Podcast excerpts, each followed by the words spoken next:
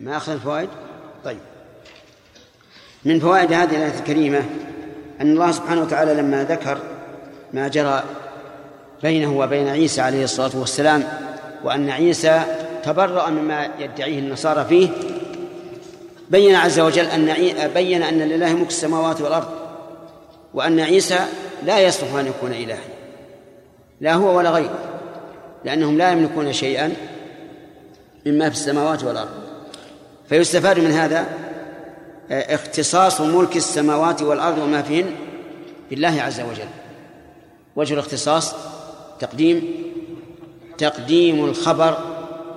والقاعدة أن تقديم ما حق التأخير يفيد الحصر سواء كان هذا الذي حق التأخير خبرا أو مفعولا أو غير ذلك مما حق التأخير.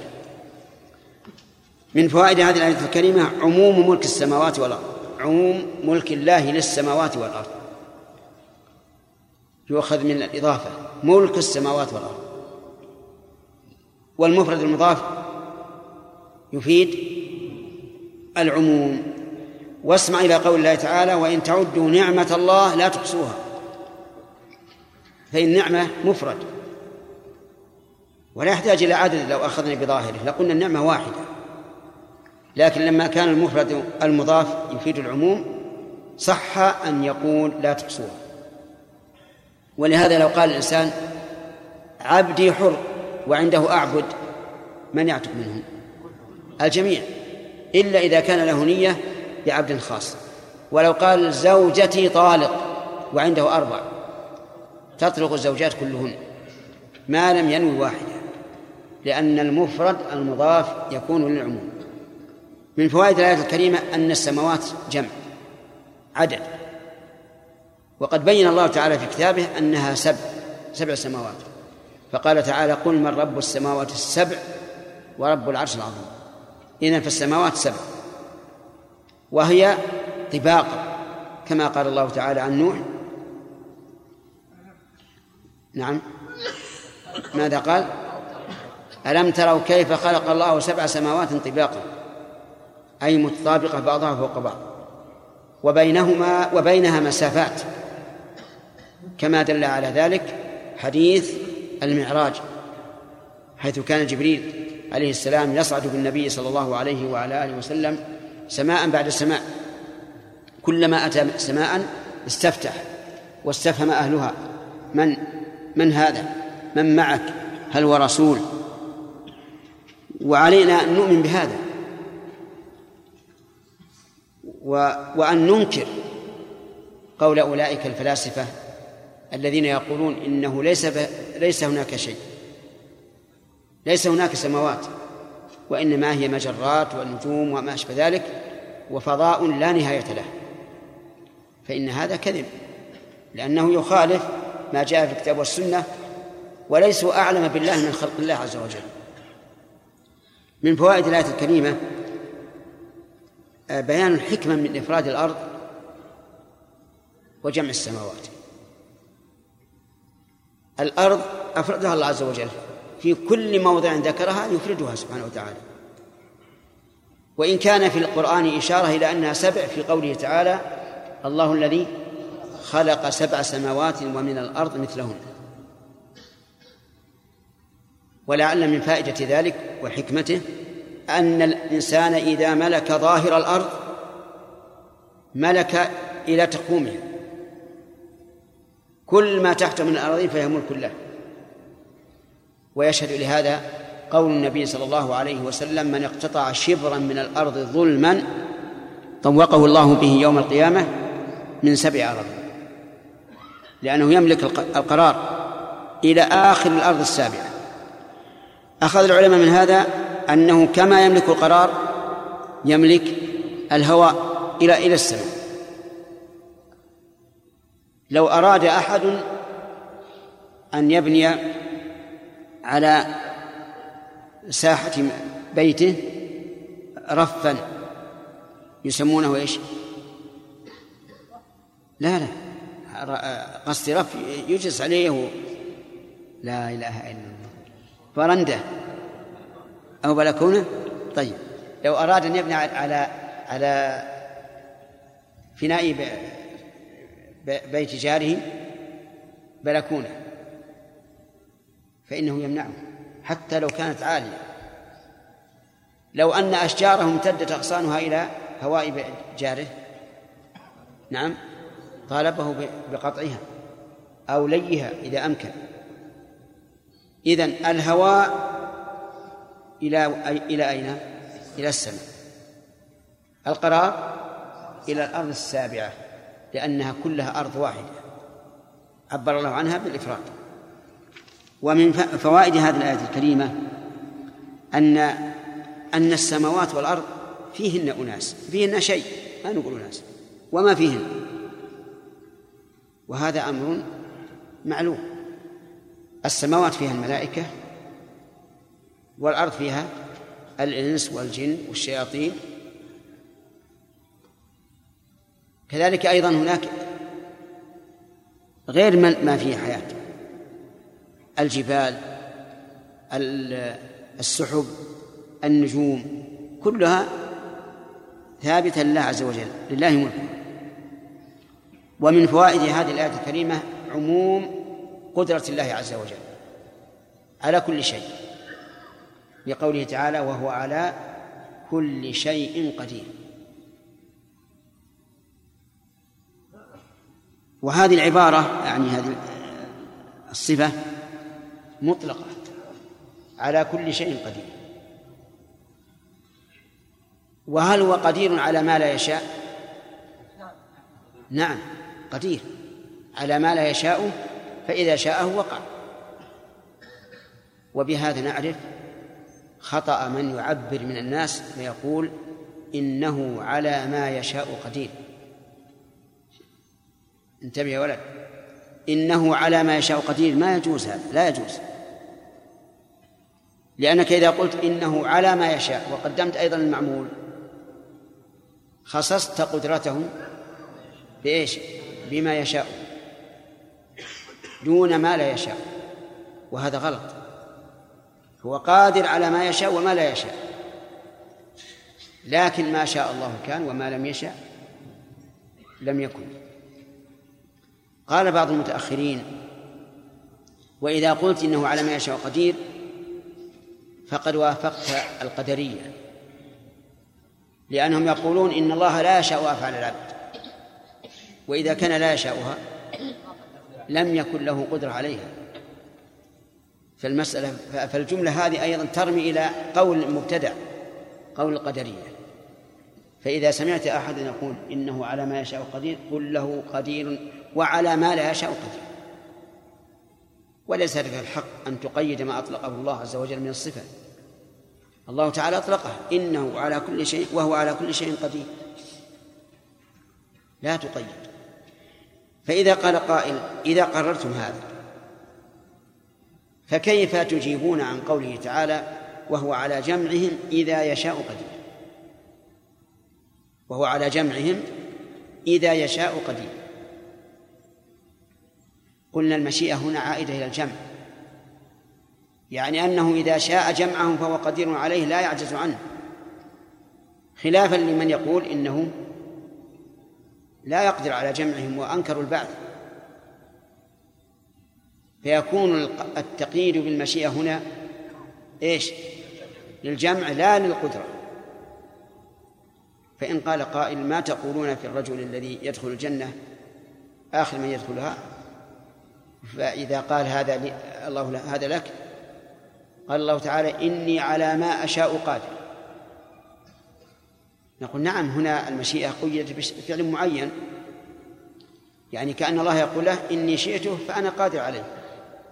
مثل قوله وهو على جمعهم إذا يشاء قدير والمهم أنه ليس لنا أن نقيد ما أطلقه الله عز وجل. بل نقول إن الله على كل شيء قدير. ثم قال الله عز وجل بسم الله الرحمن الرحيم. نتكلم عن البسملة وإن كان هذا قد مر علينا كثيرا لكن لعل بعض الإخوة لم يكونوا حضروا. البسملة آية من كتاب الله. آية من كتاب الله عز وجل. تبتدأ بها كل سورة. ما عدا سورة براءة. فإنها ليست لم تبدأ لم تبتدأ بالبسملة.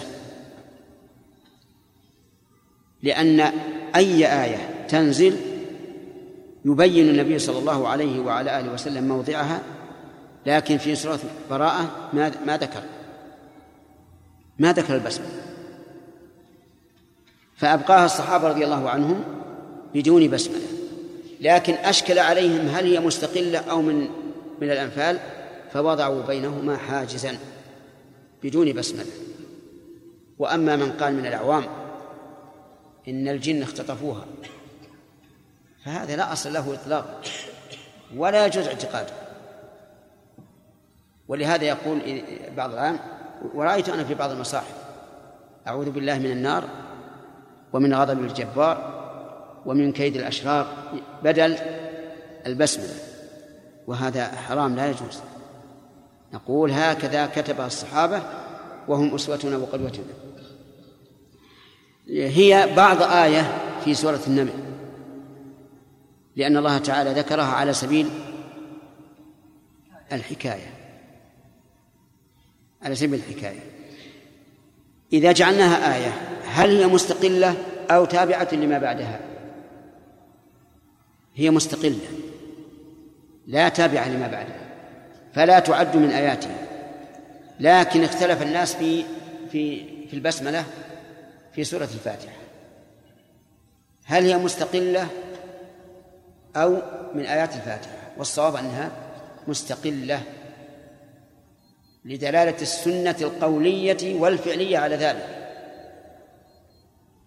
أما القولية ففي الحديث القدسي أن الله تبارك وتعالى قال قسمت الصلاة بيني وبين عبدي نصفين.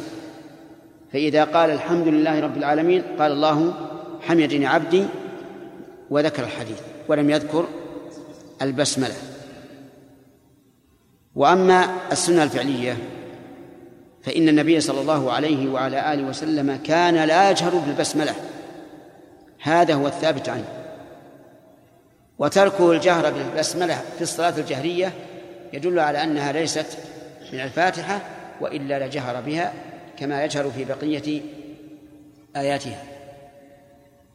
بقي أن يقال البسملة مبدوءة بحرف الجر والمعروف أن حروف الجر لا بد لها من عامل يسمى المتعلق.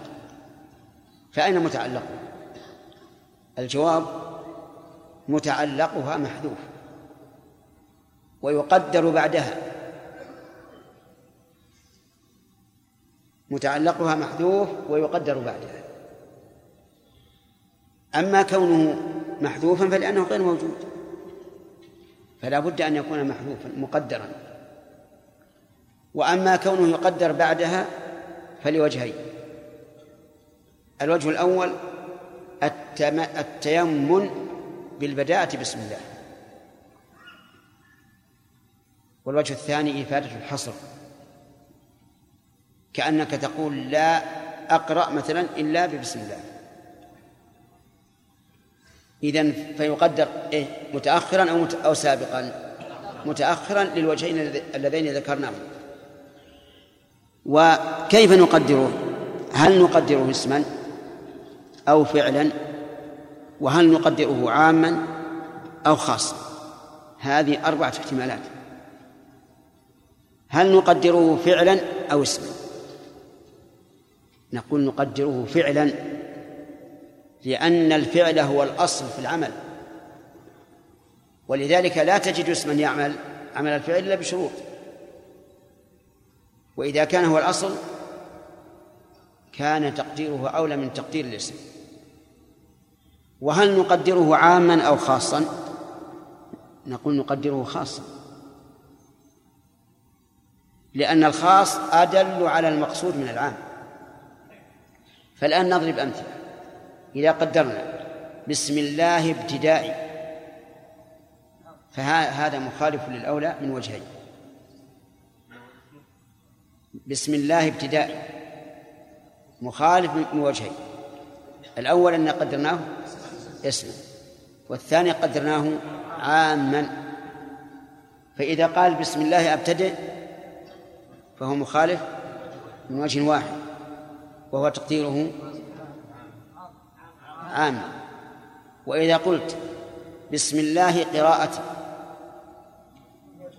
من وجه واحد وهو أنك قدرته اسما. وإذا قلت بسم الله أقرأ فهذا أحسن التقديرات أحسن التقديرات. لأنه فعل ومتأخر وخاص فهو أدب. والدليل أنك تقدر الخاص الحديث من لم يذبح فليذبح بسم الله. هذا يدل على أنك تقدر الفعل الخاص المناسب. طيب عند الوضوء بسم الله التقدير أتوضأ عند القراءة بسم الله أقرأ. عند الكتابة بسم الله أكتب. أما اسم الله اسم مفرد مضاف إلى الله عز وجل فيقتضي البداءة بكل اسم من أسماء الله. فأنت إذا قلت بسم الله كأنما قلت بكل اسم من أسماء الله. والله كلمة عظيمة جدا. علم على الله جل وعلا. لا يسمى به غيره. لا في الجاهلية ولا في الإسلام. وهو أصل لجميع الأسماء.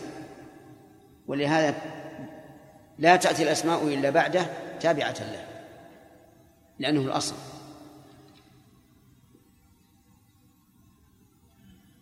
أي نعم. نأخذ أسئلة ولا نمشي؟ أسئلة؟ طيب. البداءة بسم الله. في أثناء السورة نعم. نعم. البداءة بسم الله في أثناء السورة. ذكر بعض أهل العلم أنها أنها سنة. يعني مستحبة. والصواب أنها ليست مستحبة. لأن الله تعالى قال فإذا قرأت القرآن فاستعذ بالله من الشيطان الرجيم. فمثلا إذا قلت أعوذ بالله من الشيطان الرجيم بسم الله الرحمن الرحيم لله ما في السماوات وما في الأرض. فقد زدت. لأنك إنما تقول أعوذ بالله من الشيطان الرجيم فقط. فإذا قال أليس هذا فعلا وينبغي أن أبدأ بكل فعل بالبسملة؟ قلنا إذا قلت هذا فقل بسم الله الرحمن الرحيم أعوذ بالله من الشيطان الرجيم.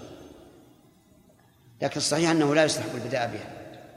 لكن شيخ المدارس هل ينكر على الطلاب يعلمون يكرر عليهم. نعم نعم يعلمون لئلا يتخذوها سنة. نعم يحيى يقولون إن الله على كل شيء قدير هل الله سبحانه وتعالى قادر على أن يخلق نفسه؟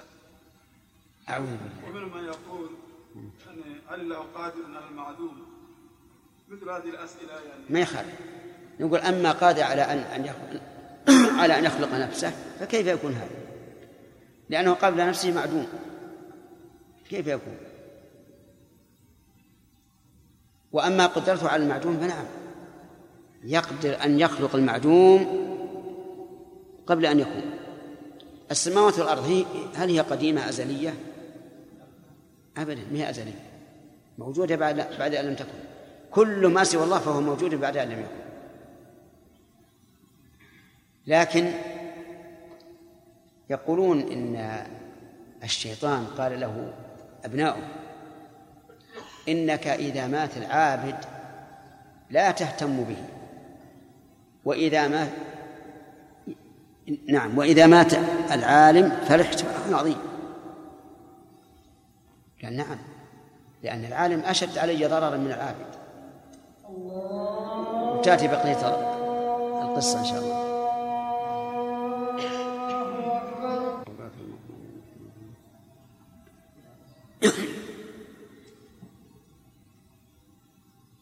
قال إن موت العابد إذا مات مات عن نفسه.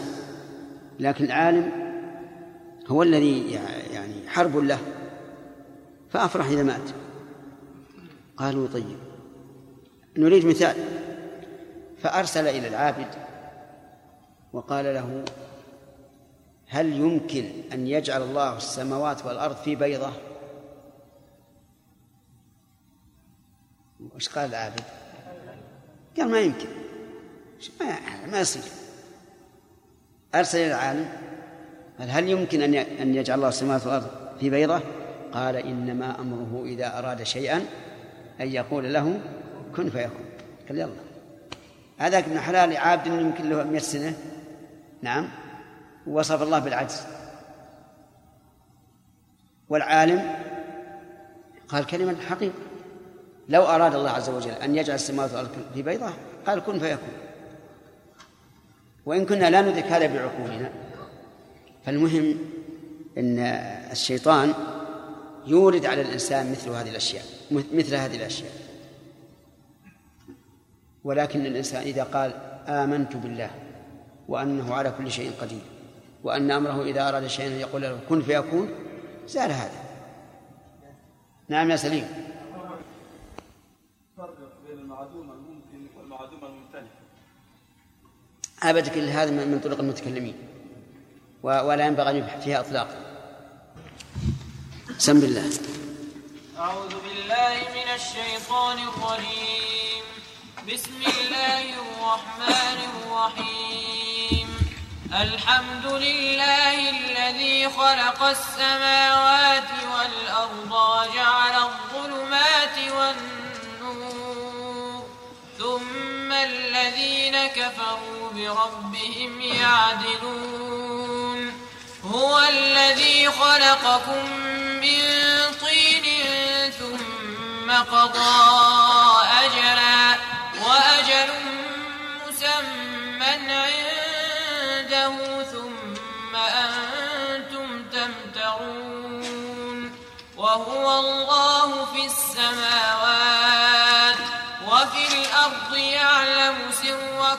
سركم وجهركم ويعلم ما تكسبون. بس.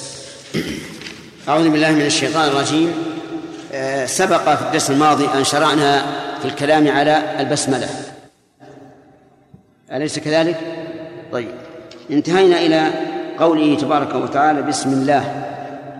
وذكرنا أن هذا الاسم العظيم هو أصل الأسماء ولا يسمى به سوى الله عز وجل. أما قول الرحمن فالرحمن مشتق من الرحمة مشتق من الرحمة ولكنه على صيغة فعلان. وهذه الصيغة تدل على السعة والامتلاء. فيكون معناه معناه أنه ذو رحمة واسعة. ذو رحمة واسعة. ولهذا فسرها بعضهم. بأن الرحمن ذو الرحمة العامة ولكن الصواب أنه ذو الرحمة الواسعة. يرحم يرحم من شاء عز وجل. فهي أدل على الوصف منها على الفعل. أدل على الوصف أن وصف الله منها على الفعل. أما الرحيم فهي صيغة مبالغة من الرحمة أيضا. لكنها أدل على الفعل منها على الوصف.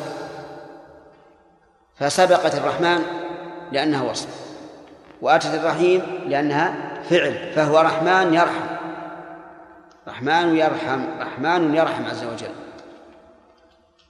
وقد ذكر الله تبارك وتعالى أن أن الله أنه بالمؤمنين رحيما. والمراد الرحمة الخاصة. إذن الرحمن تدل على إيش؟ الوصف والرحيم على الفعل يعني أنه يرحم قسم العلماء رحمهم الله الرحمة إلى قسمين عامة وخاصة فأما العامة فهي الشاملة لجميع الخلق المؤمن والكافر والبر والفاجر والصغير والكبير والبهيم والعاقل كل الخلق تحت رحمة الله عز وجل. لا يشد أحد عن هذه الرحمة العامة. الرحمة الخاصة هي التي تختص بالمؤمنين فهي رحمة خاصة. والفرق بينهما أن الرحمة الخاصة تتصل برحمة الآخرة. في فيكون لله عز وجل على المؤمنين رحمة في الدنيا ورحمة في الآخرة. أما الرحمة العامة فلا أثر لها إلا في الدنيا. ولذلك نقول الكفار في الآخرة يعاملون بالعدل لا يعاملون بالرحمة. البهائم وغير العاقل كذلك يعاملون بالعدل لأن الله يقضي بينهم. بين البهائم ثم يأمرهن أن يكن ترابا فيكن ترابا ولا نعيم. فالرحمة إذن كم؟ نوعان أو قسمان. عامة تشمل جميع الخلق وخاصة تختص بالمؤمنين. الفرق بينهما أن العامة إنما تكون في الدنيا فقط والخاصة تكون في الدنيا والآخرة. اللهم ارحمنا برحمتك. وذكر هذين الاسمين الكريمين عند البسملة التي تتقدم فعل العبد وقوله إشارة إلى أن إلى أن الله إذا لم يرحمك فلن تستفيد من هذا الفعل ولا من هذا القول. ولهذا قال النبي صلى الله عليه وعلى آله وسلم لن يدخل أحد الجنة بعمله. قالوا ولا أنت يا رسول الله؟ قال ولا أنا. إلا أن يتغمدني الله برحمته. قال الحمد لله الذي خلق السماوات والأرض. ال هنا للاستغراق؟ أي جميع الحمد من كل وجه ثابت لله عز وجل. واللام في قول لله إما للاختصاص وإما للاستحقاق. إما للاختصاص وإما للاستحقاق. ولا تنافي بين المعنيين. وعلى هذا فتكون للاستحقاق والاختصاص. لأن ال في قول الحمد لله للعموم ولا أحد يستحق الحمد على العموم إلا الله عز وجل فتكون اللام للاستحقاق وللاختصاص أيضا. ولكن ما هو الحمد؟ الحمد كثير من الناس يفسره بالثناء الثناء على الجميل الاختياري ولكن هذا ليس بصحيح. لأن الثناء يكون تكرار الحمد. والدليل على هذا قوله تبارك وتعالى في الحديث القدسي إذا قال العبد الحمد لله رب العالمين قال الله حمدني عبد حمدني عبدي. وإذا قال الرحمن الرحيم قال أثنى عليه. وهذا يدل على أن الثناء هو تكرار الوصف الكامل. والاشتقاق يدل عليه. لأن الثناء من الثني وهو إعادة الشيء أو رد الشيء بعضه إلى بعض. إلى بعض. وأما قولهم على أتم الاختيار فهو أيضا بالنسبة لله عز وجل غير صحيح. لأن الله يحمد على ما يفعله عز وجل وهو يختار ما يشاء ويحمد على كمال صفاته اللازمة. التي لا تتعدى إلى أحد. فهو محمود على كمال حياته ومحمود على كمال قيوميته. الأول وصف لازم والثاني وصف متعدي ولازم أيضا كما سبق تفسيره. صالح إذن الصواب أن حمد الله يكون على أفعاله التي يختارها وعلى صفاته الكاملة اللازمة له. فبماذا نعرفه نقول الحمد وصف المحمود بالكمال حبا وتعظيما. الحمد وصف المحمود بالكمال اللازم والمتعدي. حبا وتعظيما لأن الوصف بالكمال قد تصف شخصا ما بالكمال لا محبة له لكن رجاء لما سيجازيك به. وقد تحب وقد تمدحه لا على سبيل آه، المحبة والتعظيم ولكن خوفا من شر. فالحمد إذن لا بد أن يقيد بأنه على وجه المحبة والتعظيم. فإن لم يكن على وجه المحبة والتعظيم فهو مدح.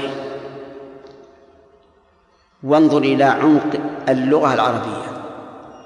كيف فرقت بين حمد ومدح مع تساويهما في الحروف نوعا وعددا. الحروف ثلاثة. هذا العدد. النوع نفس الحرف. حاء ميم دال. لكن اختلف الترتيب في الحروف. حمد ومدح.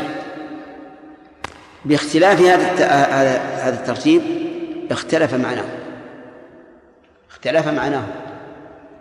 وال وال والنسبة بينهما الخصوص والعموم.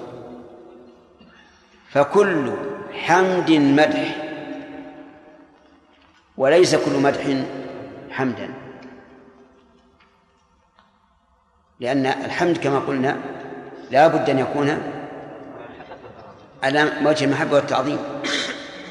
والمدح بخلاف ذلك قد يمدح الرجل آه، سلطانا أو وزيرا أو ما أشبه ذلك لا محبة له ولا تعظيما له لكن يرجو نواله أو يخاف منه.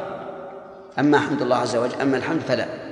وقد ذكر ابن القيم رحمه الله الفروق بينهما في كتابه بدائع الفوائد.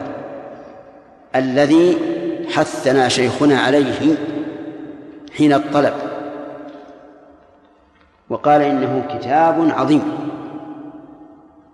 وهو كذلك. يشبهه من بعض الوجوه صيد الخاطر لابن الجوزي. لكن من حيث العمق والمعنى والفائدة لا سواء ولا مقارنة. فهو رحمه الله آه، بين بيانا واضحا. الفروق بين الحمد والمدح. وبحث هذا المبحث حتى أنضجه طبخا. وقال إن شيخنا يعني ابن تيمية رحمه الله كان إذا بحث في مثل هذه الأمور أتى بالعجب العجاب رحمه الله. ولكنه كما قيل تألق البرق نجديا فقلت له إليك عني فإني عنك مشغول. لأن شيخ الإسلام ما عنده التفرغ إلى أن يتكلم في مثل هذه الأمور ويتكلم بما هو أعظم. وقد جمع أخونا وزميلكم فريد ابن عبد العزيز الزامل المباحث النحوية التي تكلم عليها شيخ الإسلام ابن تيمية. جمعها في رسالة. ولكنها لم تطبع بعد. وهذا طيب.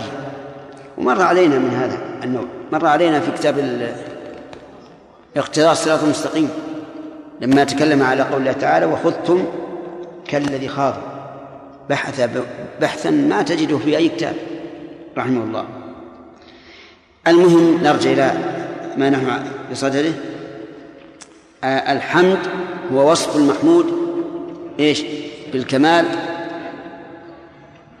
على وجه المحبة والتعظيم. لله قلنا اللام للاستحقاق وإيش؟ والاختصاص. لا أحد يستحق الحمد كل من كل وجه إلا الله عز وجل. وهذا الحمد المذكور خاص بالله عز وجل.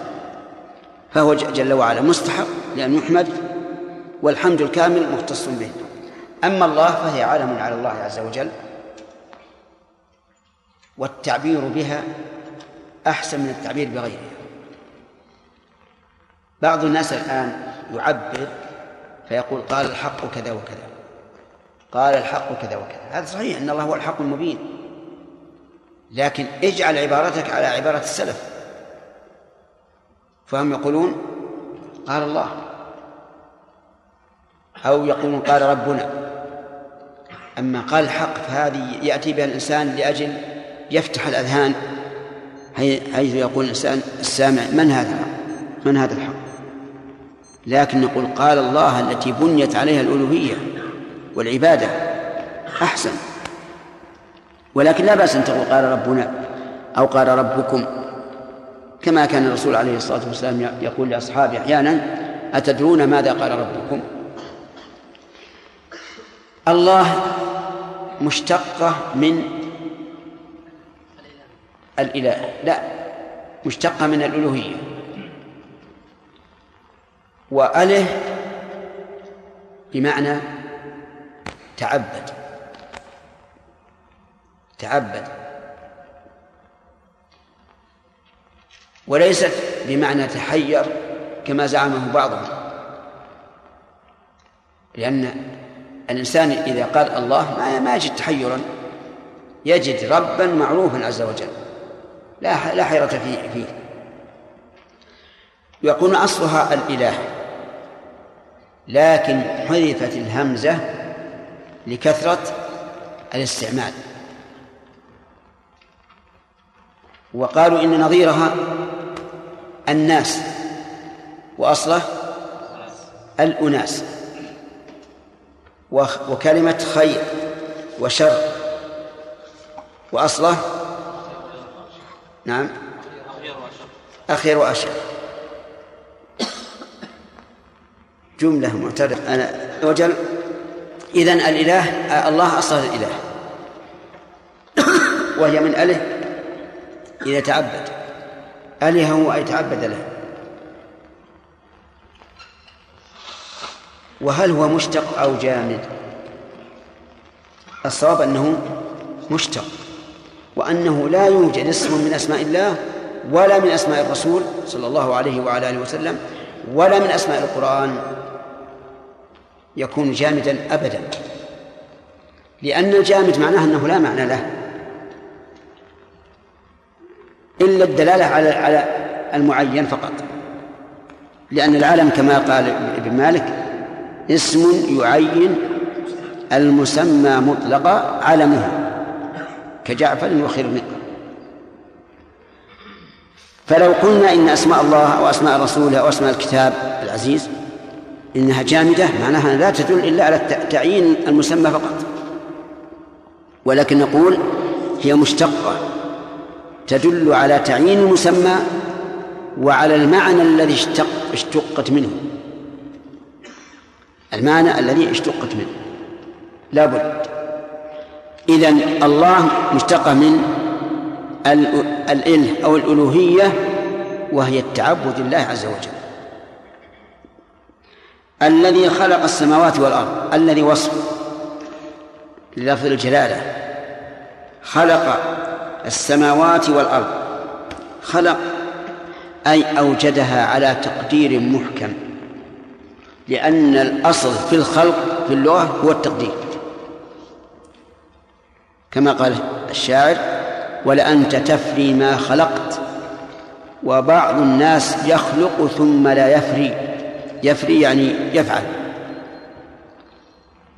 تفري ما خلقت يعني ما قدرته ولا يمنعك أحد. فالخلق إذن هو الإيجاد إيش؟ على وجه التقدير المحكم. وقوله السماوات والأرض. السماوات مفعول خلق.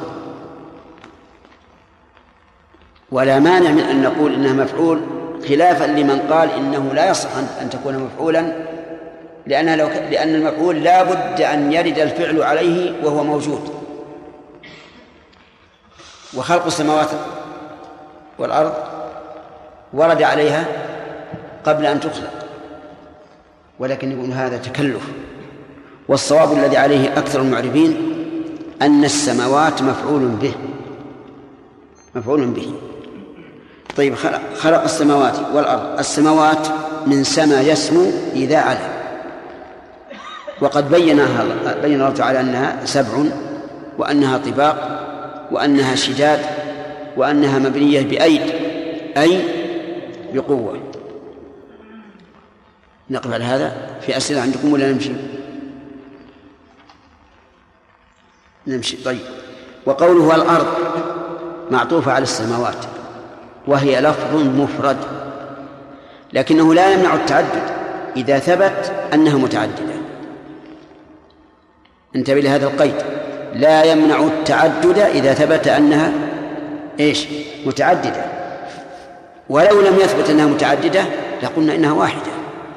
لأن هذا مقتضى اللفظ. لكن نقول إن المراد بها الجنس وحينئذ لا ينافي التعدد. وهي متعددة. بدلالة ظاهر القرآن وصريح السنة. أما ظاهر القرآن فقد قال الله تعالى الله الذي خلق سبع سماوات ومن الأرض مثلهن أي في العدد. ولا يمكن أن يقول قائل من ومن الأرض مثلهن في الكيفية والصفة. هذا ما حد يقول. لأن الفرق بين السماء والأرض واضح. فيتعين أن يكون المراد العدد وهو كذلك.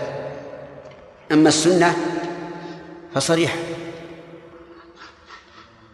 قال النبي صلى الله عليه وسلم من اقتطع شبرا من الأرض ظلما طوقه الله به يوم القيامة من سبع أرض.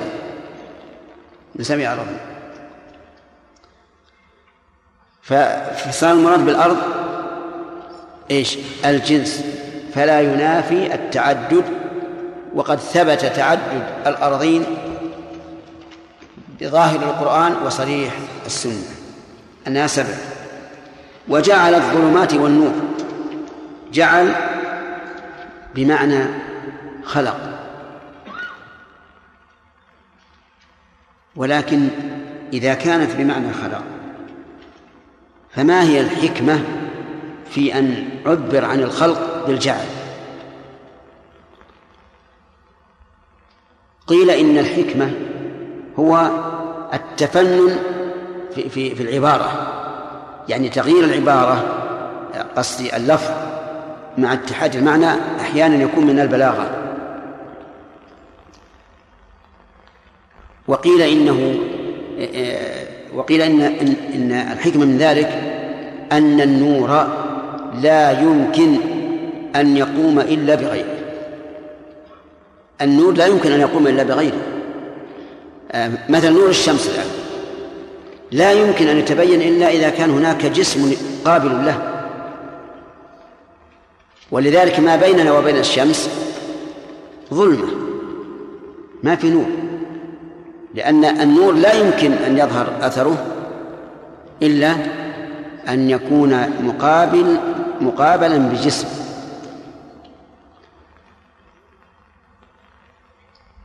تجدون الآن الفرق بين أن أن تقابل الشمس جسما قابلا للحرارة وجسما غير قابل. وقسما قابلا لنصاعة البياض وقسما غير قابل. لأن النور لا يمكن أن يكون قائما بنفسه ولا يتبين إلا إذا كان إيش؟ منعكسا على على على جسم.